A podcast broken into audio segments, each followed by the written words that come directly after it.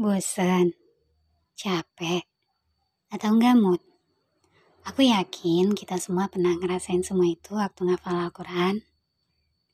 Sekarang di podcast Sang Pewaris Wahyu, kita akan ngobrolin tentang berbagai inspirasi maupun pengalaman dalam menghafal Al-Quran. Semoga podcast ini bisa nyemangatin kita semua ya buat terus istiqomah ngafal Qurannya.